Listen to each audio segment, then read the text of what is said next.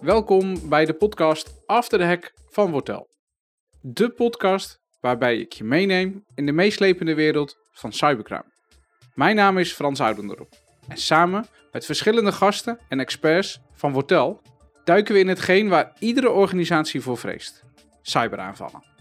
In deze podcast spreken we met slachtoffers, gaan we het gesprek aan met experts en vertellen we je de musts voor het beveiligen van jouw organisatie.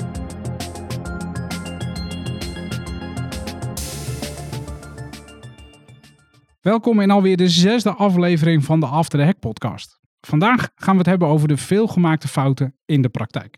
Want ook mijn gasten duiken in de huid van een hacker.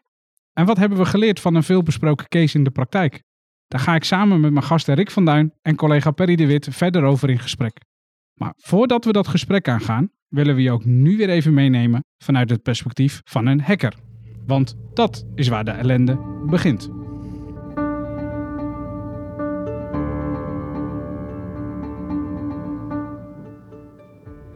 Wat hacken zo makkelijk voor mij maakt?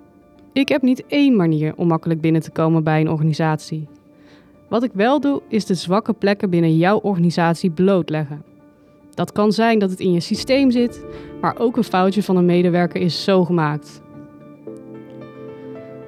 Over het algemeen ben ik dus niet het genie, maar jij hebt je beveiliging niet goed op orde. Ik neem je mee in een van mijn technieken. En dat is het achterhalen van wachtwoorden. Hiervoor heb ik een combinatie van twee gegevens nodig: de gebruikersnaam en het wachtwoord.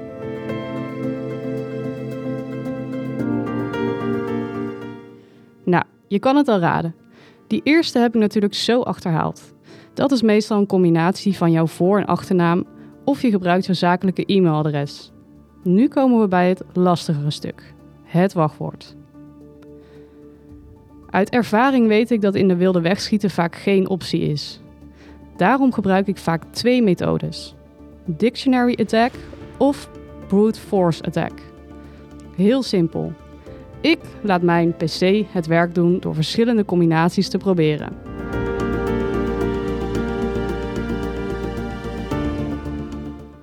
Helaas zijn deze methodes al bekend bij veel organisaties en moeten gebruikers verplicht verschillende tekens, cijfers en wachtwoordlengtes gebruiken.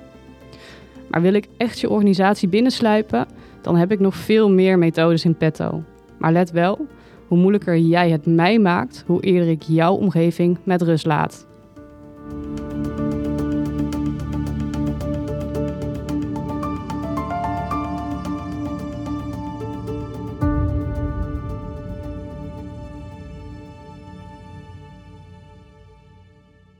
Rick, Perry, welkom. Rick, jij bent ethisch hacker met inmiddels al meer dan 10 jaar ervaring. Daarnaast medeoprichter van Zolder. Ja. Je bent inmiddels bekend gezicht in de cybersecurity wereld. Vorig jaar ook een van de experts die deelnam aan het Nationaal Cybersecurity Debat. Zeker. Veel cybersecurity experts blijven het liefst achter de schermen.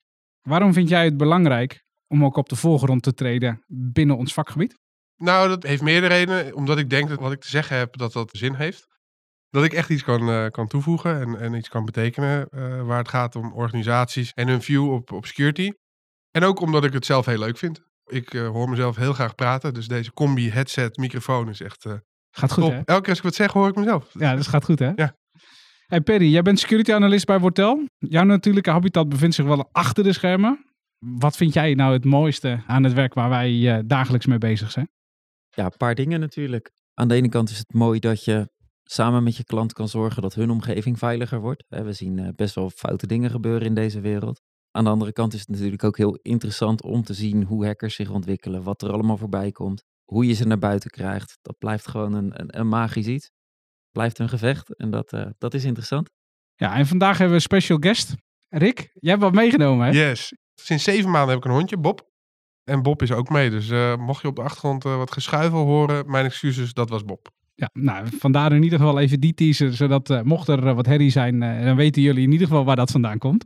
We hebben zojuist naar onze hacker geluisterd. Daarin zegt ze, over het algemeen ben ik niet het genie, maar je hebt je beveiliging niet goed op orde. Rick, wat vind jij van zo'n uitspraak die we toch wel eh, geregeld horen, zeg maar? Ja, dat is echt die attackers view en misschien ook wel de, de makken van een aanvaller. Ik moet zeggen, toen ik, met name dat ik in het begin, eh, toen ik aan het pentesten was, had ik heel vaak zoiets van, jeetje, wat is dit al een zooi en iedereen is incompetent en niemand kan iets. En eh, dat is eigenlijk gewoon een hele domme view. Maar dat is echt een aanvallersview. En dat komt omdat je als aanvaller doe je gewoon ja, honderd dingen proberen. Er lukt er eentje en dan ben je in één keer de koning. Ja. Nu beheer ik en bouw ik ook dingen. En dan zie je pas echt hoeveel moeilijker het is. En hoe makkelijk het is om te zeggen, ja, je moet gewoon dit doen. Dus waar het gaat om, om de hacker die zegt, ja, ja want je, je hebt je beveiliging op orde. Ik denk dat we niet moeten werken aan alles op orde hebben. Ik denk dat we moeten werken aan, eh, aan een bepaalde degelijkheid in de beveiliging. Dat wil zeggen dat je dus een foutje kan maken. Een keer een service niet kan updaten en dat dat niet betekent dat alles in één keer gecompromitteerd is. Nee, maar je, je hebt wel een bepaald minimum nodig. Absoluut. Ja, ja zeker. Je moet, je moet jezelf eigenlijk zo ver beveiligen dat je jezelf in staat stelt om fouten te maken. Ja.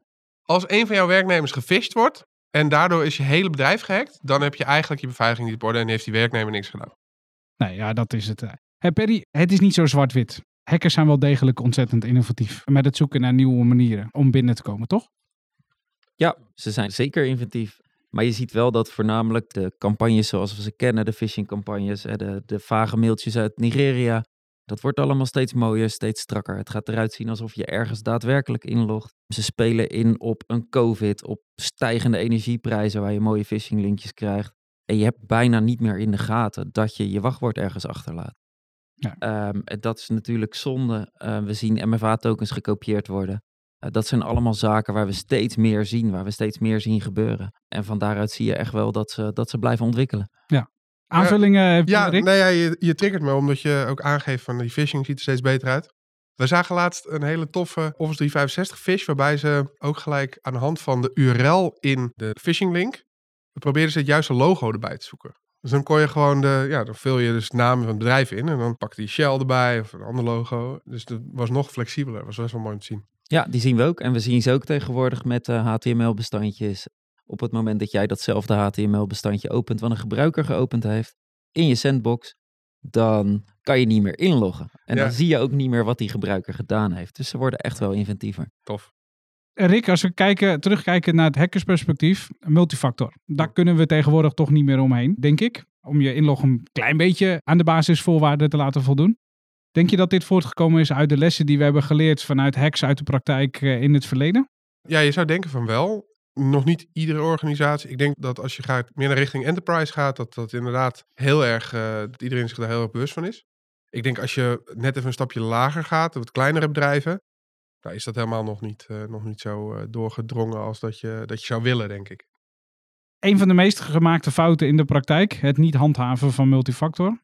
Dat is een artikel dat reeds verscheen waarin verschillende overheden, waaronder Nederlandse overheden, dit statement naar buiten brachten. Wat is voor organisaties nou een reden om multifactor niet toe te passen of niet te handhaven, Perry? Ik denk dat het meerledig is. Je ziet bedrijven waar directieleden het vervelend vinden de- om de telefoon te pakken als ze inloggen. Dat is natuurlijk lastig, want dat zijn nou net de mensen die ze wel willen hacken. Je ziet dat de implementatie soms voor mensen te lastig is, dat het te lang duurt. Organisatorische beslissingen om ermee te wachten. Vaak gaan ze dan ineens wel met MFA aan de slag op het moment dat er wel iemand gefisht wordt. En we zien bedrijven waar je, nou ja, voornamelijk scholen en dergelijke, waar ze de beslissing nemen om bijvoorbeeld de studenten geen MFA af te dwingen. Wat dan ook wel weer leuk is, want als zo'n student toevallig gebreached wordt, dan ligt ook dat hele adresboek op tafel. En dat is best een beetje jammer. Ja, dus alles of niks. Dat is eigenlijk wat je, hè, op het moment dat je het half doet, doe je het eigenlijk niet. Precies. Ja, Rick, je noemde ze net al, het midden- en kleinbedrijf daar waar dat eh, eh, blijkbaar toch lastiger is. Wat zou je hem mee willen geven, organisaties die geen multifactor toepassen op dit moment? Eén, ga het toepassen. En, en ik denk daarna eh, ga eens nadenken over hoe je dat dan eh, toepast. Als je nu Office 365 eh, gebruikt en je, je gooit daar MFA op, zijn er ook nog wel een stukje optimalisaties die je, die je kan doen om te voorkomen dat, of om het gebruik makkelijker te maken. Push notificaties met de Authenticator, nummer matching, dat soort zaken. Legacy eh, eruit, dat soort zaken. Maar ja, het lastige voor hen is, is tweeledig. Aan de ene kant licentiekosten, hè, want je- moet bij zo'n beetje wel conditional access hebben als je dat op eh, Office 365 wil doen. En aan de andere kant heb je natuurlijk nog een IT'er die opeens aan zijn personeel of aan zijn collega's eigenlijk moet vertellen dat ze MFA moeten gebruiken. En hoe vaak ik daar deelgenoot van ben dat er een IT'er zegt van ja, maar nu worden ze allemaal boos. dat is het. Ja. En want je geeft net ook aan van de directie die dat niet wil. En dan heb je opeens dat je dan een whitelist hebt. En dat is dan directie en mensen die hard genoeg schreeuwen. Want Ja. dat is uiteindelijk de groep van excluded users. En dat is heel moeilijk. Nou, over het algemeen zijn dat dan ook de high targeted values binnen een organisatie. Zeker. En dat zijn juist de mensen waar je dit wel zou willen. Ja, maar ja, die worden toch niet gehackt. Dat is het beeld dat ze erbij hebben. Nou goed, de praktijk heeft zich inmiddels wel, an- heeft dat wel anders eh, uitgewezen. Nee, ja, kijk, als jij nu luistert en jij bent directeur van zo'n bedrijf, zorg dat je samen met je IT'er kijkt wat, eh, wat daar goed in is, om dat goed te beveiligen. En ondersteun die ook als die een change probeert door te voeren. Want hoeveel van dit soort wijzigingen teruggedraaid worden, puur omdat er genoeg mensen zagrijnig worden. Dat zou denk ik, eh, zeker in het midden-kleinbedrijf, kijk op enterprise niveau gaat dat niet. Nee. Kan je wel als afdeling zeggen ik wil het niet, maar dan heb je gewoon een mega corporate erboven die zegt haha, toch wel. Als we hier nou praktijkvoorbeelden bij halen, eh, Perry. Wat is dan voor jou de meest creatieve manier waarop je dingen hebt zien gebeuren? Veel gemaakte fouten. Nou ja, dan ga je toch terug naar eh, bedrijven die wel MFA hebben. Gewoon blijven inloggen tot iemand toch wel een keer accepteert dat hij dat niet was, maar toch op het knopje accepteren klikt als, eh, als er iemand met zijn wachtwoord inlogt. Ja, dus ook, ook als organisatie, wees je bewust als eindgebruiker, wees je bewust op het moment dat je een melding ziet op een Authenticator app of wat dan ook. Jij bent het niet geweest, druk er alsjeblieft niet op, want het kan wel degelijk wat anders zijn. Dat is wat je zegt. Precies dat. Rick, heb jij nog een case waar eh, wat het eerste in jouw gedachten schiet? Dat was creatief. Belastingdienst. Daar werd eh, gewoon met push-notificatie spam en die deed het uiteindelijk. En, en laatst Uber dan ook push-notificatie spam. En die gebruiker die klikte niet. Maar deze hacker die was dan slim genoeg om te bellen. En die zei, ja, hoi, ik ben van IT en we kunnen niet verder totdat jij op oké drukt. En die man die, ja, die denkt, oké. Maar dan heb je als hacker heb je al meer eh, soorten informatie. Hè? Dat is Ja. dat je inlogaccounts hebt, dat je wachtwoorden wellicht al hebt, maar ook dat je telefoonnummers gerelateerd aan de gebruiker hebt. Dit was een zeer goed geïnformeerde 14-jarige. 14-jarige. Ja, hij was 14 of 15. Hij was echt heel jong en hij had Uber gehackt. Eh, domeincontroller op straat. eh, eh, screenshots van hun eh, ESX-cluster. Meerdere terabytes aan RAM. Dat, dat is het enige wat ik nog herinner van die screenshots. Dat was vet. Alleen maar omdat ze dus één, die spam. En twee, eh, het wachtwoord voor de key vault. Stond in de netlogon. Nou, klinkt goed. Ja, ja er, er is ook een hack in twee stappen. Ik weet niet wat Uber waard is en hoeveel ze uitgeven aan security. Maar kan je je voorstellen hoe, hoe makkelijk het dus ook weer terugkijken naar die hacker. Je hebt je beveiliging niet op orde. Nou, het was zeker niet op orde in dit geval. Maar ja, het is maar één foutje geweest. Ja. Twee. En dan kan er ineens een hele hoop aan de hand zijn. Eh, Dat is wat je hierin ook weer, eh, weer terugziet. Deze aflevering, zei het net al, maar staat in het teken van de meest gemaakte fouten. Wat kom je het meest in de praktijk tegen, eh, Rick? Ja, ik denk gebrek aan netwerksegmentatie. Ik bedoel, waar niet bij kan, kan je niet hacken. Ja. Dus dat is echt top. Heel veel organisaties doen het nog niet. Kost ook wel serieus tijd. En daarnaast denk ik gewoon, ja, die, die netlogon waar ik net over had bij Uber. Ja, die heb je nu bij heel veel andere bedrijven.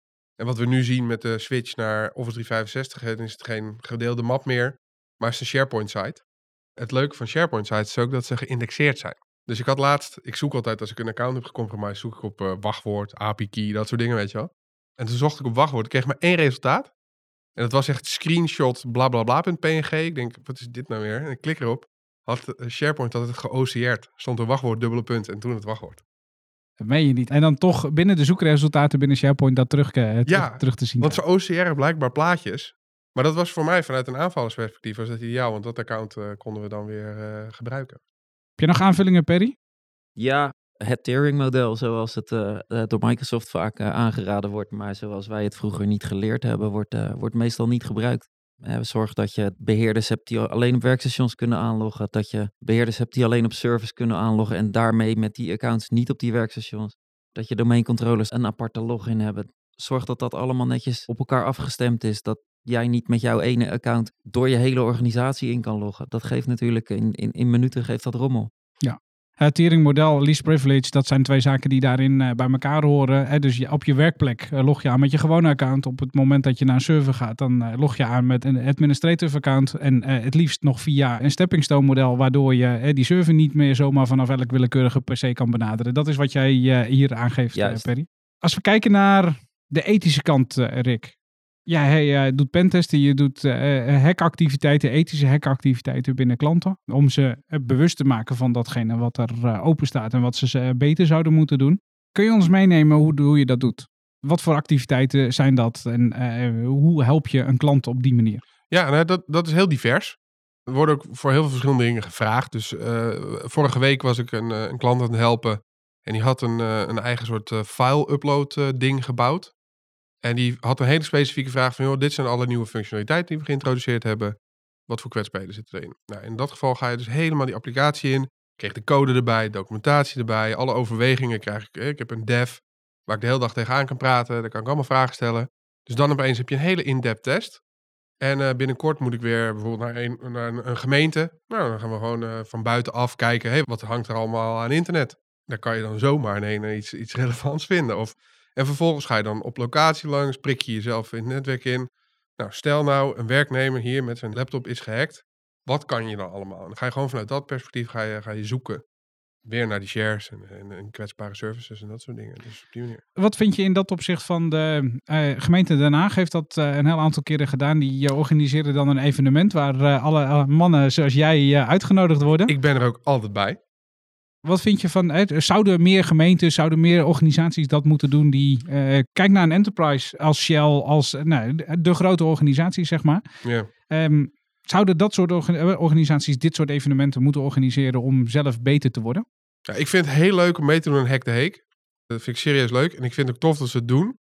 Ik denk dat ze daar voor een deel ook nieuwe dingen uitvinden. Maar stel dat je nog niet zoveel eraan doet, dan is dat niet het eerste wat je wil doen. Dus dan ga je gewoon, voor mijn part begin je letterlijk met een Nessus scannetje en dan ga je daar de resultaten van aanlopen en dan huur je een keer een pentester in, et cetera. Dat bouw je uit. Maar voor een organisatie zoals een Shell, en die wil een keer uh, gekke ideeën hebben van een hele berg mensen. En daarbij ook weer in contact komen met die mensen. Want dat is natuurlijk een bijkomend voordeel. Ja. Dan zou ik zeggen ja. Maar voor de meeste organisaties die zeg maar nog hun eerste pentest uh, moeten hebben, dan, dan nee. Nee. Perry, als security analyst, heb jij nou last van deze mensen? Ja. En we zien ze ook met regelmaat voorbij komen. Rick? Heb jij een regel die kijkt op de hostname Kali? Of niet? Dat ik denk het niet. Oké, okay, nou die moet je een keer doen. Dat, uh, ik het wordt bij sommige bedrijven word ik gebeld en ze, ze hebben je gevonden. En dan was de hostname van mijn laptop was Kali. Omdat ik dan een DSCP-request doe met die hostname, dan zien ze dat. Ja goed, ik, ik ben daar om te pentesten, niet om verborgen te blijven. Maar mocht je nou... Het is een hele, hele makkelijk om een goede beurt te maken. Maar je hebt er last van als uh, Perry, als, uh, als analist. Ja, we weten niet altijd dat pentesters bezig zijn, uiteraard. En daar heb je last van. Het is ook wel interessant om te zien dat ze bezig zijn. En we leren natuurlijk ook van ze. Hè? We, we, zien hun gedrag, we zien ze ook niet altijd. En op het moment dat je ze niet ziet, weet je dat je samen met de klant aan de bak moet om weer iets te gaan verbeteren. Dus ja, ja, last wil ik het last noemen. Het is ook gewoon wel interessant om te zien wat ze doen, wat ze kunnen, wat ze proberen. En om te zien wat we direct tegen kunnen houden en wat we achteraf zien. Ja, deze online onderwereld, nou, dit is dan de ethische kant. Nou, we hebben daar ook daadwerkelijk eh, de verkeerde kant, de echte criminelen, zeg maar. Is dat iets wat we als organisatie onder de loep nemen, waar we aandacht voor hebben, eh, waar we naar kijken? Ja, we zijn ermee bezig. We hebben wat analisten zitten die uh, met regelmaat overal en nergens aan het rondkijken zijn. Kijken wat er gebeurt, die het dark web met regelmaat eens even bekijken om te zien wat daar allemaal te doen is. Daar mooie presentaties over geven. En die daar onze detecties op aanpassen. Ja. Rick, jij als pentester, een phishing mail versturen, DDoS aanvallen, een combinatie van allerlei trucken die uit de doos komen om uh, nou, inzicht te krijgen, informatie te krijgen. Als organisatie aan de, de Blue Team Red Team en aan de Blue Team kant, we maken de organisatie steeds veiliger. Uh, multifactor, firewalls, nou, noem het allemaal maar op. dat zetten we er neer. Het is vooral reactief op dit moment. Als er een hacker binnenkomt om jou tegen te houden, dan proberen we daar reactief op te reageren. Denk je dat het in de toekomst dat we daar wellicht met AI, met allerlei andere zaken, dat we proactief wellicht wat dingen kunnen doen? Ja, ik heb eigenlijk altijd, als het ging over machine learning en AI, dan uh, had ik altijd een heftig snake oil idee erbij. Maar nu zag ik laatst die plaatjes die gegenereerd worden door die AI. En die waren ook wel heel goed. Ik denk niet, uh, proactief is het nooit, want je hebt altijd input en dan gaat die AI daarop iets doen. Dus het is altijd reactief. Maar sneller reageren denk ik wel. En ik denk dat we uiteindelijk ook, zeker als Kijk, nu heb je bijvoorbeeld met Microsoft heb je gewoon Defender en, en dan gebeuren er dingen. Ik kan me ook voorstellen dat er op een gegeven moment, want je hebt dan overal toegang, alle bakken kan je al wat op. Dus je kan ook al automatisch honey tokens gaan uitrollen en dat soort zaken. Dus we kunnen denk ik het vele malen moeilijker maken al voor een hacker om ongedetecteerd te blijven. Dus dat sowieso in de toekomst. En ik denk, nou, als je ziet met wat voor ongelooflijke snelheid AI zich ontwikkelt. Nou, ik kan bijna niet geloven dat ik dit ga zeggen. Maar ik denk dat het wel eens een keer zou gaan kunnen gaan helpen. Nou, dat zal wel fantastisch zijn, want dat gaat ook het werk aan jouw kant uh, uh, weer, een, nou makkelijker wil ik niet zeggen, maar het gaat wel helpen uiteindelijk. Ja, zeker. Nou, wat vind jij van uh, automated response? Van die vendor van Endpoint? Want dat had een tijdje geleden, dropte ik er wat in. Of hij ging het doen. En ik had al gezien dat stage 3 was gewoon, kon niet, was een 404. En het ding had uiteindelijk gezegd, nee, niks aan de hand, want die laatste stage is niet gedaan. Toen dacht ik, hoe de, weet je dat? Dat vond ik echt knap. Ja, ehm, we zien hem ook wel eens een automated response starten of een automated investigation starten op een phishing link die aangeklikt is. Die gaat ook gewoon dicht, er wordt ook niks mee gedaan. Maar heb je wel eens dat die, want tot nu toe, elke keer als dat ding, die automated investigation begint, dan dacht ik, nou, dat is eigenlijk een redelijke conclusie. Ik heb hem nog niet betrapt op echt hele domme dingen. Phishing meldingen sluit hij gewoon af. Oké, oké. Dus die daar- is nog wel spannend. Die zoeken we dan zelf natuurlijk met de hand uit. Maar je ziet nog wel zaken die inderdaad gewoon afgesloten worden. Maar er wordt echt heel veel uitgefilterd voor ons, wat dus al van daaruit wordt opgelost. Nice, Ja, het systeem aan de Microsoft-kant eh, in dat opzicht wordt ook steeds beter. Hè? Dat is wat je hiermee aangeeft. zeker. Perry, jij had er straks een case aan de meest creatieve manier eh, om binnen te komen. Wat hebben we daarvan geleerd? Kijk, het is leuk om te zien dat anderen ook innovatief zijn, maar wat kunnen wij daar zelf mee? Nou ja, in dit geval hè, iemand die uiteindelijk na meerdere MFA-verzoeken op oké klikt. Wat zie je daaraan? Nou, MFA is niet heilig. We zijn niet klaar als we MFA inrichten. We zijn niet klaar als een gebruiker MFA goedkeurt. Je wil alsnog weten waar komt die gebruiker vandaan? Wat doet die? Is het die gebruiker? Er zijn meerdere methodes om te onderzoeken of het daadwerkelijk de gebruiker is die je verwacht dat het is. Dus alleen maar zeggen de gebruiker heeft MFA goedgekeurd, dus het is oké. Ja, dat is wel klaar. Ja, dat is niet meer per definitie goed. Nee, dat is einde verhaal. Eh, Rick, eh, even afgelopen jaar was jij eh, te gast op het Nationaal Cybersecurity Debat, wat ook onder andere door, eh, nou, wat door Wortel geregeld is. Daarin gaf je aan dat veel organisaties niet goed zijn beveiligd omdat ze langzaam zijn uitgebreid met allerlei ad hoc oplossingen. Ja, Zonder dat er is gekeken naar concrete security strategie en dat soort dingen. ja, Nu we een jaar verder zijn, ben ik benieuwd of jij verandering in de markt ziet. nee. nee, nee, het is gewoon, weet je, op een gegeven moment, oh, we hebben budget, we kopen iets, of we hebben nu dit probleem. Er is een werknemer gefisht, MFA aan, dat soort dingen. Dus dat zie je wel. Om je op weg te helpen naar een concrete security oplossing, gaan we weer even naar een reclameblokje. Want de vraag is namelijk niet of je organisatie gehackt wordt, maar meer wanneer. Daarom belichten we ook in deze aflevering weer onze 24x7 security oplossing.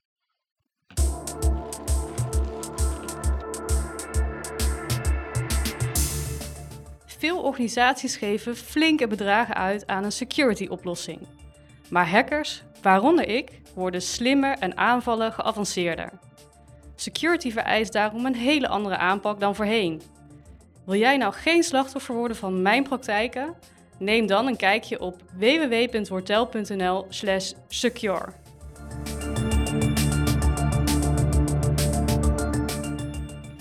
Perry, een van de dingen die in het lijstje staat van de overheden waar eh, voor gewaarschuwd staat, is een eh, matige endpoint detection and response oplossing. De oplossing die wij daarvoor gebruiken is Microsoft 365, security oplossing Defender for Endpoint. Wat maakt in jouw ogen een endpoint detection and response oplossing wel goed? We zien eh, mensen binnenkomen. We zien dat ze op een machine hangen, dat ze bepaalde zaken uitvoeren die je eigenlijk verwacht van een hacker. Ze kunnen niet lang op meerdere machines zitten, want je krijgt genoeg aanwijzingen dat ze daar wel zijn. Waarmee je dus de ingang misschien daar niet hebt afgedekt. Maar op het moment dat er iets gebeurt op een device, dan gaan we dat zien.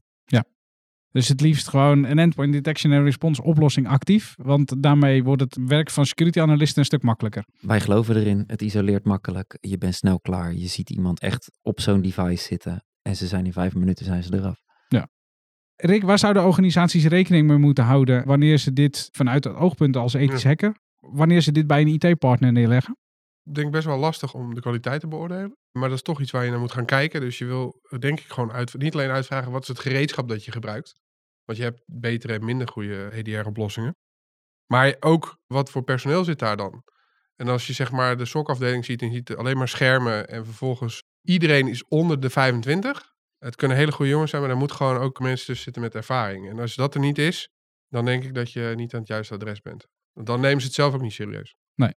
En als je dat in-house zelf zou willen doen, waar moet je dan rekening mee houden, eh, Perry? Het eh, vergt een, eh, een heleboel werk. Het kost een boel tijd. Eh, alles analyseren wat er voorbij komt is een vak apart. En je ziet vaak binnen organisaties dat ze al niet genoeg geld besteden aan de hoeveelheid beheerders die er rondlopen. Laat staan dat ze deze spullenboel allemaal gaan inrichten in hun eigen organisatie en al die logs gaan laten uitlezen. Het kan, Maar mensen zijn nooit zo, zo bezig als dat ze op een MDR of een SOC bezig zijn. Ja, in, in aanvulling daarop, wat je veel ziet is dat het kopen van het gereedschap is, eh, is heel makkelijk. En het vervolgens inrichten en echt gaan gebruiken. En dan heb je natuurlijk nog een team nodig dat echt gaat blijven kijken. Dat, eh, dat is helemaal lastig.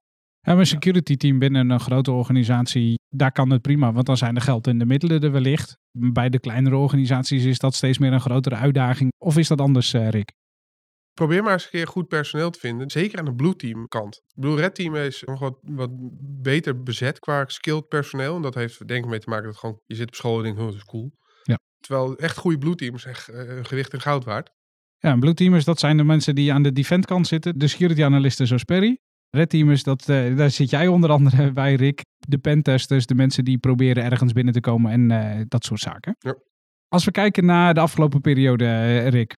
Veel gemaakte fouten. Wat is de grootste blunder die je hebt gezien? Ja, wel vette was, ze, in het kader van eh, corona hadden ze alle werkstations met RDP gevoerd naar buiten toe. Zodat iedereen vanuit thuis kon Bij zijn eigen machine. direct zijn eigen machine in kon RDP'en. Dus gewoon elk poortje. Ja, poortje 1 is dan eh, die van jou, 2 is 3. Nou, je snapt hem. En toen had eh, volgens de, de beheerder had welkom 01 als wachtwoord. Was de domein en binnenkant. Kikken. Ja, dat was wel vet. Daar ben je snel binnen, zeg maar. Ja, dat was ik niet. Dat was een ransomware club. Ja. Helaas. Als ik het was geweest, hadden we tenminste nog wat kunnen doen. Ja, maar kijk, eh, wat je hier ziet, eh, deze blunder, wat je hier ziet is dat je, eh, er wordt gewoon gebroedvorst op RDP-poorten. En daar worden ook wachtwoorden en dergelijke worden daar geprobeerd. Nou, welkom 01 is dan een redelijk makkelijke. Dus eh, dan binnen no time ben je binnen. Dat is wat, eh, wat hier ook daadwerkelijk gebeurd is. Yep, zeker. En het grappige was, ze deden dus ook op niet-standaard RDP-poorten zoeken voor RDP. Ja. Dat vond ik dan wel leuk. Ja, dus niet standaard op 3389 wat de standaard RDP-poort is, maar Ja. ook daarbuiten. Precies. Eh, Perry, heb jij blunders meegemaakt? Nou, ik weet niet of je het echt blunders wil noemen. Wat je vaak ziet is dat we, dat we wel netjes onze service patchen. En vervolgens onze VPN-appliance vergeten mee te nemen.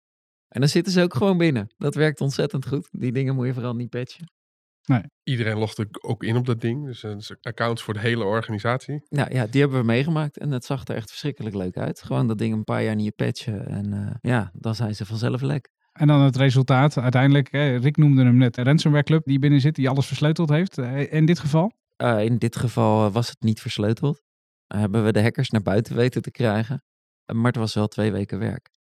Ja, dus een hele hoop kosten voor jou als organisatie op het moment dat je daarmee te maken krijgt. Ja, en het duurt even voordat je in de gaten hebt hoe ze binnen zijn gekomen. En het duurt ook even voordat je weet welke accounts ze allemaal daadwerkelijk hebben opgepakt. We hebben het net al, Rick, al heel even gehad over proactief, reactief. Welke trends zien we de komende jaren eh, vanuit jouw gezichtsveld, zeg maar?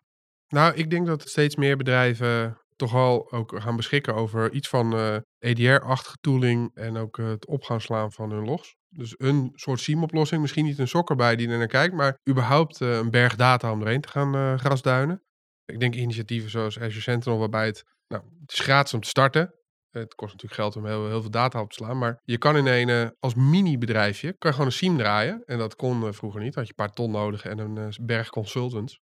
Ja. Dus ik denk dat security in die zin daarmee gedemocratiseerd eh, wordt. Dat je dat soort enterprise-achtige oplossingen in één keer op kleine schaal kan gaan Ja, draaien. het wordt toegankelijker voor kleinere bedrijven. ja, Dus, ja, zeker. Ja, ik hoop ook dat wij als, als zolder daar een, eh, een bijdrage kunnen leveren. Dat we dat voor kleinere bedrijven ook mogelijk gaan maken. Want die enterprise, eigenlijk de hele security-markt, richt zich op 5% van alle bedrijven of zo. Ja. Eh, het is echt bizar.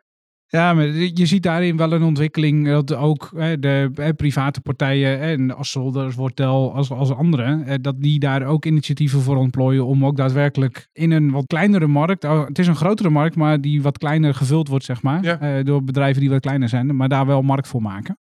Perry, zie jij nog ontwikkelingen? Ja, je ziet inderdaad dat Sentinel hard aan het ontwikkelen is. Dat Microsoft daar volle bak gas op aan het geven is. Dat er wat mooie dingetjes aankomen waar we nog niet zoveel over mogen zeggen. Nee. Neer real-time door de log zijn. Hè, dat was er niet, dat is er nu wel.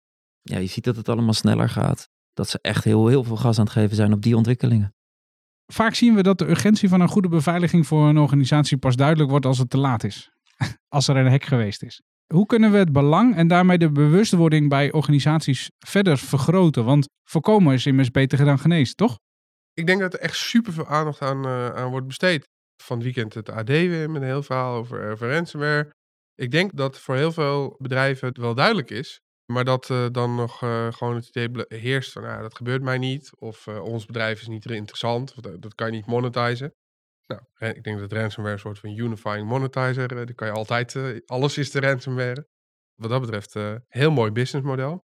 Maar wat we dan nog zouden kunnen doen om dat nog duidelijker te maken, nee, als je het weet mag je het mij vertellen. Ja. Perry, hoe zie jij dat? Ik denk dat het grootste, het grootste gevaar van een organisatie bij de, bij de eindgebruikers ligt. En dat je ze heel duidelijk moet gaan maken dat daar beter op ingespeeld moet worden. Awareness is er bijna niet. Uh, neem een ladder op je rug en je loopt overal naar binnen. USB-stick in je zak en je bent klaar. Tegen de tijd dat bedrijven dat begrijpen, zijn we denk ik pas uh, waar we willen zijn. Ja, en mocht je de eerste aflevering die wij gemaakt hebben in deze reeks nog niet beluisterd hebben, uh, daar is een van onze klanten aan het woord die uh, dit heeft meegemaakt. Nou, mocht je de bewustwording nog niet hebben, ik zou die even terugluisteren, want uh, daarin wordt echt duidelijk waarom je echt daadwerkelijk zou moeten investeren in security producten. Om af te ronden, wat zouden jullie onze luisteraars mee willen geven? Zijn er tips waar je niet zo snel aan denkt, maar die wel van belang zijn? Zijn er zaken die je kan inregelen om je systemen nog dichter te zetten? Whatever. Rick, heb jij ideeën? Ja, één, investeer in een backup. Want als je grenzen wordt, kun je uit je backup nog terugzetten. Offsite en niet het uh, niet online, editen. Nee, ook niet te editen vanaf een account wat in je AD of je AHD zit. Want dan deleten ze dat ook voor je. Dus dat is één. En twee, uh, ga ervan uit dat je toch al gehackt wordt. Dus zorg dat je je logging op orde hebt. En overweeg dus bijvoorbeeld het, uh, in ieder geval voor je Office 365 tenant alles lekker naar Sentinel te duwen. Kost je afhankelijk van welke logs je doet niks of een beetje. Dat is serieus een hele goede investering. En als er dan wat gebeurt en de instant responders komen, zullen ze je heel dankbaar zijn dat daar gewoon logs zijn die ze kunnen doorzoeken. In plaats van uh, zeven dagen retentie via een webportaal die logs die zijn van belang omdat ze daarmee daadwerkelijk terug kunnen halen eh, hoe het is gebeurd, wat er is gebeurd. En maar zo ook daadwerkelijk weer de maatregelen kunnen gaan initiëren om het terug te draaien of whatever. Heel veel instant responders hebben sowieso de frustratie dat er te weinig telemetrie is. Dus dat is aan de ene kant heel belangrijk. Maar je kan dus ook niet leren, want je weet niet hoe ze binnen zijn gekomen. Want er was geen logging, dus je weet het niet. Dus in die, in die zin is het heel belangrijk. Ja. Perry, heb jij daar nog uh, aanvulling op? Ja, we weten allemaal uh, hoe vervelend het is dat we, dat we wachtwoorden gebruiken die, uh, die te raden zijn. herfst 22, uitroepteken is echt niet meer veilig. En toch kunnen mensen ze gewoon invoeren. Investeer in wachtwoordkluizen. Zorg dat je gebruikers weten dat ze daarmee aan de slag gaan. Dat ze daadwerkelijk die 50 karakters in de wachtwoord zetten. Ze hoeven toch alleen maar te copy-pasten. Neem je security serieus. En net als met MFA, ga mee met je tijd. Number matching is een feit. Pas je boel aan, ga erop over het scheelt echt wel weer dat gebruikers bepaalde zaken gaan aanklikken en doorklikken. Ja. Nou, hopelijk uh, is dat een oproep om uh, de eerste volgende stappen weer uh, concreet te maken in jouw omgeving. Rick, Perry, dank voor dit gesprek. Leuk dat jullie wilden aanschuiven. En uiteraard wil ik jullie als luisteraars ook bedanken voor het luisteren. In de volgende aflevering ga ik opnieuw het gesprek aan over een nieuwe case binnen de cybercrime. In deze aflevering ontmoet ik Marleen Weulen-Kranenbarg, docent criminologie aan de Vrije Universiteit van Amsterdam en collega Maarten Goed, CTO bij Wortel. We gaan in gesprek over de hackers community. Terug naar waar het probleem begint. Want hoe kom je in aanraking met cybercriminaliteit? En kunnen we cybercriminelen ook profileren, zoals we dat kennen in de reguliere criminaliteit? Dat zijn vragen waar we het antwoord op gaan zoeken. Vergeet niet om je te abonneren op deze podcast, zodat je de volgende aflevering niet gaat missen. En tot die tijd, laat je niet hacken.